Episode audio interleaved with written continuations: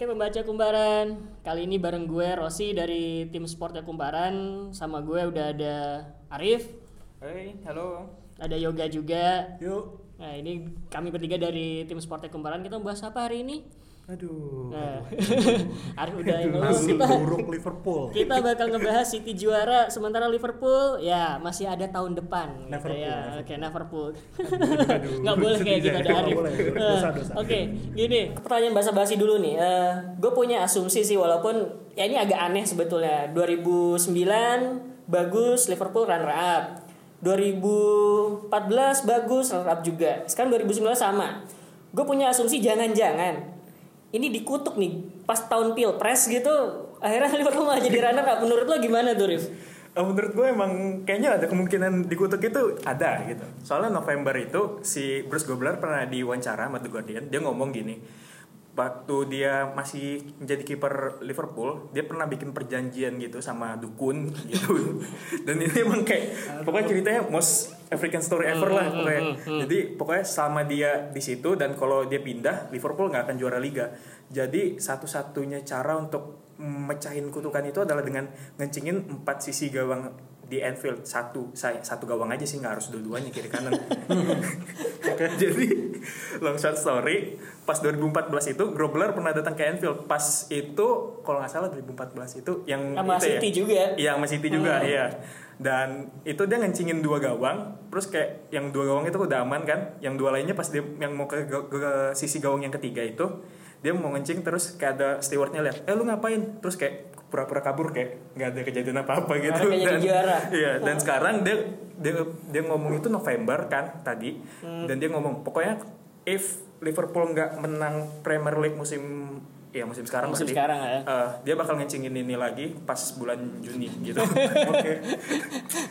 Oke, ini mari kita karena bulan puasa kita hentikan soal klinik-klinik ini ya. Gua mau beralih ke yoga nih. Eh, ya ada tiga musim itu kan 2000 eh, sorry 2009, 2014, 2019 ini Liverpool itu mimpin pas lagi Natal gitu. Nah kemudian mereka nih satu-satunya tim yang tiga kali punya kesempatan mimpin di Natal tapi akhirnya gagal jadi juara. Apakah ini ada apa ya semacam nunjukin bahwa ada penurunan penurunan konsistensi gitu di paruh kedua musim atau gimana? Eh, iya benar. Kalau misalnya dilihat dari apa catatan penampilan mereka, memang Liverpool itu kalah cuma sekali. Cuman mereka imbang tujuh kali. Ah, iya. Dan mayoritas hasil imbang itu mereka dapetin di paruh kedua. Dan itu lucu karena gini, Ars- ada tiga pertandingan di mana Liverpool itu unggul duluan, tapi mereka kemudian kebobolan dan akhirnya cuma bisa main imbang. Oke. Itu lawan Arsenal itu di paruh pertama, kemudian Leicester lawan sama West Ham itu di paruh kedua. Kasusnya sama. Mereka golin duluan tapi kebobolan main, akhirnya kehilangan 6 poin dari hasil kayak gitu. Oke, berarti ini ada masalah di mana? Eh, lo ngelihatnya is it problem dari mana mereka sulit, sulit untuk mengapitalisasi peluang atau justru pertahanan mereka emang suka rawan di masa-masa akhir gitu? Ya sebenarnya ketika sebuah tim mendapatkan hasil yang buruk kan pasti kombinasi dari segala hal Oke, ya. betul. Mental strength itu kelihatan banget karena mereka duluan bikin gol tapi kemudian kebobolan. Hmm. Mental strength sum- apa masalah di mental strength itu kan bisa macam-macam. Salah satunya karena bisa Liverpool nyerang terus tapi nggak masuk-masuk. Oke, ya benar. Tiba-tiba di menit-menit akhir Ini kayak Man. United juga tuh. Nah, sebenarnya mereka tuh bersaudara sih. Oke, eh, ya ya oke soal mental strength itu. Oke, ini ada yang menarik sebetulnya. Eh, ada jar, ada olok-olok gitu di internet yang kita dengar kayak misalnya eh, ya Liverpool masih bisa tahun depan dan selalu tahun depan dan selalu tahun depan. Tapi gue pribadi ngelihatnya eh, bahwa untuk ngelihat mus- kalau ngelihat musim ini musim, mestinya next next year is our year itu bisa menjadi sebuah eh, bahan bakar sih buat Liverpool. Karena gini trajektorinya jelas musim kemarin mereka eh, posisi 4 sekarang finish posisi 2 ada perkembangan ada progresi. Mereka bisa mengejar Manchester City yang finish musim kemarin dengan 100 poin dengan selisih satu, satu angka doang.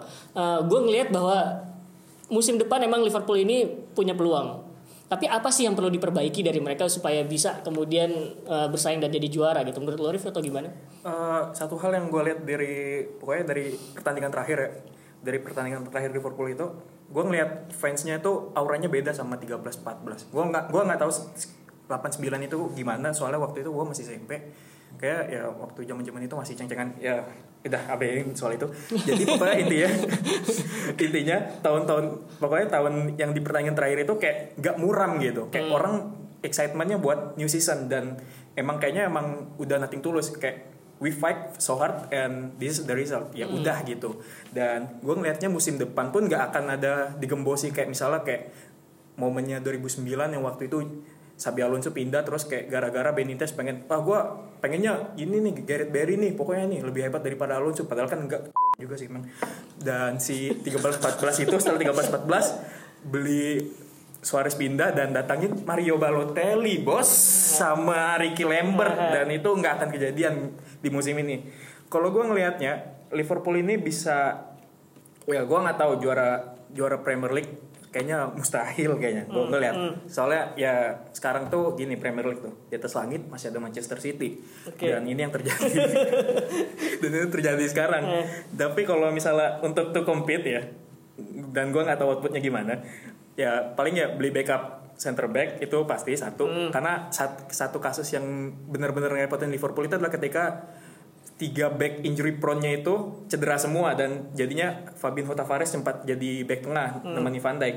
Full back jelas karena Liverpool udah lepas Nathaniel Klein jadi ya tinggal Trent Alexander-Arnold di kanan dan satu opsinya di kiri si Andrew Robertson dan maksain James Milner buat itu tuh nggak nggak terlalu optimal. Kadang-kadang James Milner nih ah pemain yang angin-anginan gitu nggak bisa ditebak. Tiba-tiba ini aja Tapi mungkin karena dia bukan ini sih, karena dia bukan back kiri murni sih. Iya, itu inilah kalau di lowongan pekerjaan siap ditempatkan di berbagai posisi. gitu. Ya tapi ngomong-ngomong soal ini ya, ngomong-ngomong soal apa namanya fullback, Mm-hmm. eh, 23 gol Liverpool itu datang dari Arnold sama Robertson. Robertson benar. Arnold 12, Robertson 11 itu Betul. berarti itu bagus, sangat bagus. Tapi itu adalah masalah karena apa? Karena nggak seharusnya fullback bikin gol sebanyak gol, itu. Betul, iya. Itu artinya berarti lini tengah mereka Hmm. Masalah. masih kurang, masih Iya. kurang kreatif. Apa itu perlu misalnya beli pemain baru atau nunggu Nabi Keita si- settle dulu kayak di zaman di Leipzig dulu gitu mungkin? Itu bisa, cuman ketika kita menunggu itu kan berarti kita harus siap akan ketidakpastian. Iya, benar benar benar. Dan Oke. itu yang terjadi di Liverpool di awal tengah musim ini waktu Hmm. Keita nggak bisa, terus si Fabinho juga nggak bisa kan kayak nunggu dulu sampai tengah musim gitu. Untuk kasusnya Keita malah lebih lama lagi. Iya. Di akhir musim baru kayak oh ini baru dapat dapat nih styleannya nih Hmm. yang pas gimana. Padahal awal-awal kayak di dump banget kayak is better than Pogba and so on and so on gitu. Oke, kayak iya bang. Oke, oke ini cukup buat Liverpool. Kalau City, menurut lo apa yang perlu diperbaiki musim depan? Gue ngeliat baca gitu si Guardiola bilang kami butuh pemain-pemain yang tinggi karena berulang kali kalah duel ketika lagi set piece. Satu, dua gue lebih concern ngeliat gimana Fernandinho sekarang udah 34 tahun dan sampai sekarang belum ada pelapisnya. Nah ini mana yang lebih penting jadi pemain tinggi atau Fernandinho dulu nih? Fernandinho dulu pasti. Hmm. Karena Fernandinho ini kan apa ya jantungnya apa Manchester City Iya, iya. bertahan dari dia nyerang juga dari dia sementara usia 34 ya buat manusia sih masih muda ya cuman kalau buat pebola itu udah apa namanya udah uzur dan Hmm. rentan cedera sementara nggak ada pengganti Gundogan terlalu terlalu ofensif sih buat main jadi jangkar dan apa ya eh, selain masalah Fernandinho itu sebenarnya ada satu lagi masalah itu mereka bi- suka bikin kesalahan. Jadi tiga kekalahannya Liverpool eh sorry Manchester City. Hmm. dari Palace dari Leicester dari Newcastle itu lahir karena kesalahan-kesalahan. Lawan Palace itu penalti lawan Newcastle penalti lawan Leicester karena kartu merah. Dan itu yang terima Fabian Delph. Oke, jadi sebenarnya di balik kesempurnaan itu masih ada ses- eh, apa sesuatu yang harus dibenahin, misal squad depth atau apa namanya muka-muka baru perlu didatangin yang lebih muda supaya apa namanya continue kesuksesan mereka itu. Sama satu lagi ada ini sih. Tadi tadi aku lihat sempat eh, Eden Hazard dapat gelar playmaker terbaik karena dia punya 15 assist iya betul.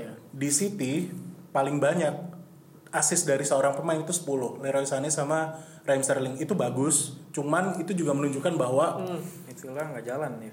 eh, lebih ke ah, ini sih ah, clutch playernya tuh nggak ada sebenarnya Oh iya. kuncinya ya Iya. di tengah kuncinya itu nggak ada oke kalau misalnya soal ngomongin kunci di tengah ini apa apa berkaitan gitu dengan Kevin De Bruyne sering banget absen musim ini karena cedera walaupun Bernardo Silva juga tampil bagus gitu. Nah bedanya Bernardo sama Kevin De Bruyne ini apa menurut lo gitu? Karena kalau gue ngeliat De Bruyne ini kan tipikal playmaker yang menurut gue ya bisa ngimbangin Hazard gitu. Sementara Bernardo ini lebih ke central midfielder gitu. Atau mungkin lo ada asumsi lain soal itu? Benar sih kalau misalnya anggapan bahwa Hazard bisa ngimbang eh apa De Bruyne bisa ngimbang Hazard itu benar. Dan dia absen terlalu banyak sementara Bernardo Silva ini kan aslinya dia ini ya pemain yang dia winger kan aslinya. Iya, benar, Jadi benar. dia cuma makeshift midfielder dan itu gimana pun bakal membuat apa ya output dari permainan dia terbatas Oke. sebagus-bagusnya dia dia bukan Kevin De Bruyne Oke. sih Oke, paling gitu ya. Eh, lo ada pendapat lain mungkin buat kalau buat City apa yang perlu diperbaiki musim depan? Eh, jangan deh ntar juara lagi musim depan Enggak, bener serius not. gue mikirnya bahwa se- selain ya holding midfield pasti itu, dan gue mikirnya paling center back. Soalnya ngelihatnya kan, gue ngelihatnya si Vincent Kompany itu nggak nggak cocok sama sistemnya Pep Guardiola. Oke. Sementara si Nicolas Otamendi itu udah 30 sekian. Dan gue kaget juga sih sebenarnya dia udah 30-an itu. Dan gue pengennya ngeliat ya kalau misalnya gue jadi fan City ya dan untungnya enggak gitu jadi jadi ya gue pengennya ya misalnya kalau gue jadi fan City ya gue pengen kayak back macam Virgil van Dijk maksudnya yang Kayak bisa commanding iya, gitu ya. yang bisa commanding commandingnya bagus dan nge Cocok. dan ngegolin juga dan bikin assist juga dan dan itu siapa ya paling ya rumornya paling dekat yang belum dapat Matis the Ligt nih Oh iya, ya, Matis iya. De Ligt. Itu cocok ya Iya, dia Ajax cocok, dengan cocok. filosofi Guardiola. Itu sebenarnya 19 cocok tuh. tahun Nah. ngegolin ke gawang Juventus sundulan dan dia nggak pernah kayak gitu edan sih. Itu udah mental itu, udah Hmm. bicara mental. Dan kalau misalnya tandemnya sama si Otamendi kayaknya bakal atau Laporte Oh, ya, iya, laport ya, laport sih. Kayaknya nggak nggak terlalu kuat mentalnya tapi mainnya bagus dan itu bisa dia jadi Van Dijk versi juniornya kali ya. ya ada nggak sih kayak gitu? Ya mereka di Belanda tandem soalnya. Iya. Curi-curi informasi gitu ya. Iya. Oke, ini pertanyaan lu pertanyaan buat Arif deh. Lo yakin gak Liverpool juara musim depan? Ah, aduh. Premier League ya gue gue susah sih no- soal nebak Premier League ini soalnya City ini gue gue yakinnya dominasinya bakal lama di Premier League. Tapi kalau misalnya kayak Continental kayak Champions League atau turnamen kayak Piala FA gue masih yakin bisa bakal menang. Hmm. Karena apa ya? Karena faktor Anfield itu sih yang gue akuin emang emang Iya, terasa iya, dan betul. emang magic gitu. Klopp pernah bilang waktu Mei waktu dia datang itu kita pengen ngubah mindset Liverpool dari doubters to believer dan dan ini memang terjadi. Jadi kayak Liverpool nggak pernah ngeliat maksudnya nggak pernah ngeliat yang distance memory yang sangat jauh. Misalnya kayak Iya, ketika iya, dia tertinggal bagus, kayak mari kita menang Istanbul kembali. Nggak ada kayak gitu lagi. Jadi Mhm. kayak menangnya yang lebih dekat yang maksudnya kayak relatable sama squad yang ada sekarang. Kayak misalnya waktu kemarin Barca kan dia dia nggak ngomong Istanbul tapi ngomongin tentang part 3 waktu Dortmund. Dan itu ngebuild story dengan fans itu yang bikin mentalnya kadang-kadang kayak menangnya menang-menang kayak yang satu kosong. Satu kosong lawan Everton itu itu menangnya tiba-tiba gimana coba ceritanya? Lagi udah nyerang udah pikir ah udahlah kalah menang nggak apa-apa ini. Yang penting ada gol. Terus menit semantemnya tiba-tiba Origi teng gitu. Gol. lah ini gol ini gol. Oke, gue kalau yoga buat City atau Liverpool ada pesan-pesannya buat musim depan? sumbangin lah itu pemain buat MU kalau bisa ya. nggak gini maksudnya uh, MU lagi soal yang dibilang nanti kita, nanti kita bahas kapan-kapan ya. Iyalah kawan-kawan kalau udah bagus. Masih berkaitan sama yang dibilang sama Arif sih. Li- Liverpool punya kan punya, cuman perlu diingat juga bahwa klub-klub kayak Tottenham, kayak Chelsea, entah ya kalau Chelsea ya, mereka punya transfer ban yang harus dihadapin itu mungkin bisa berpengaruh tapi kalau misalnya appealnya sukses mereka bakal beli pemain banyak yang lebih cocok dengan filosofi Sari Iya. Terus Tottenham dengan udah selesai pembangunan stadion mereka duit pasti ada lah spare spare dan itu bisa juga dibikin buat memperkuat squad Arsenal. Unai Emery udah ya lumayan lah maksudnya ada harapan ada ini dan harusnya mereka bisa challenge. Nah itu agak berbahaya juga sih sebenarnya buat Liverpool. Oke. B- Bakal lebih berat ya kemungkinan Bakal lebih depan berat ya. Harusnya. Cuman kalau bisa bisa. Oke. Ya udah perkara bisa apa enggak mungkin kita cek eh, musim depan Agustus ya kita bakal jumpa lagi sama Premier League. Oke. Eh, dari kami sekian aja. Eh, pantengin terus cerita kumparan di YouTube dan Spotify dan sampai jumpa lagi.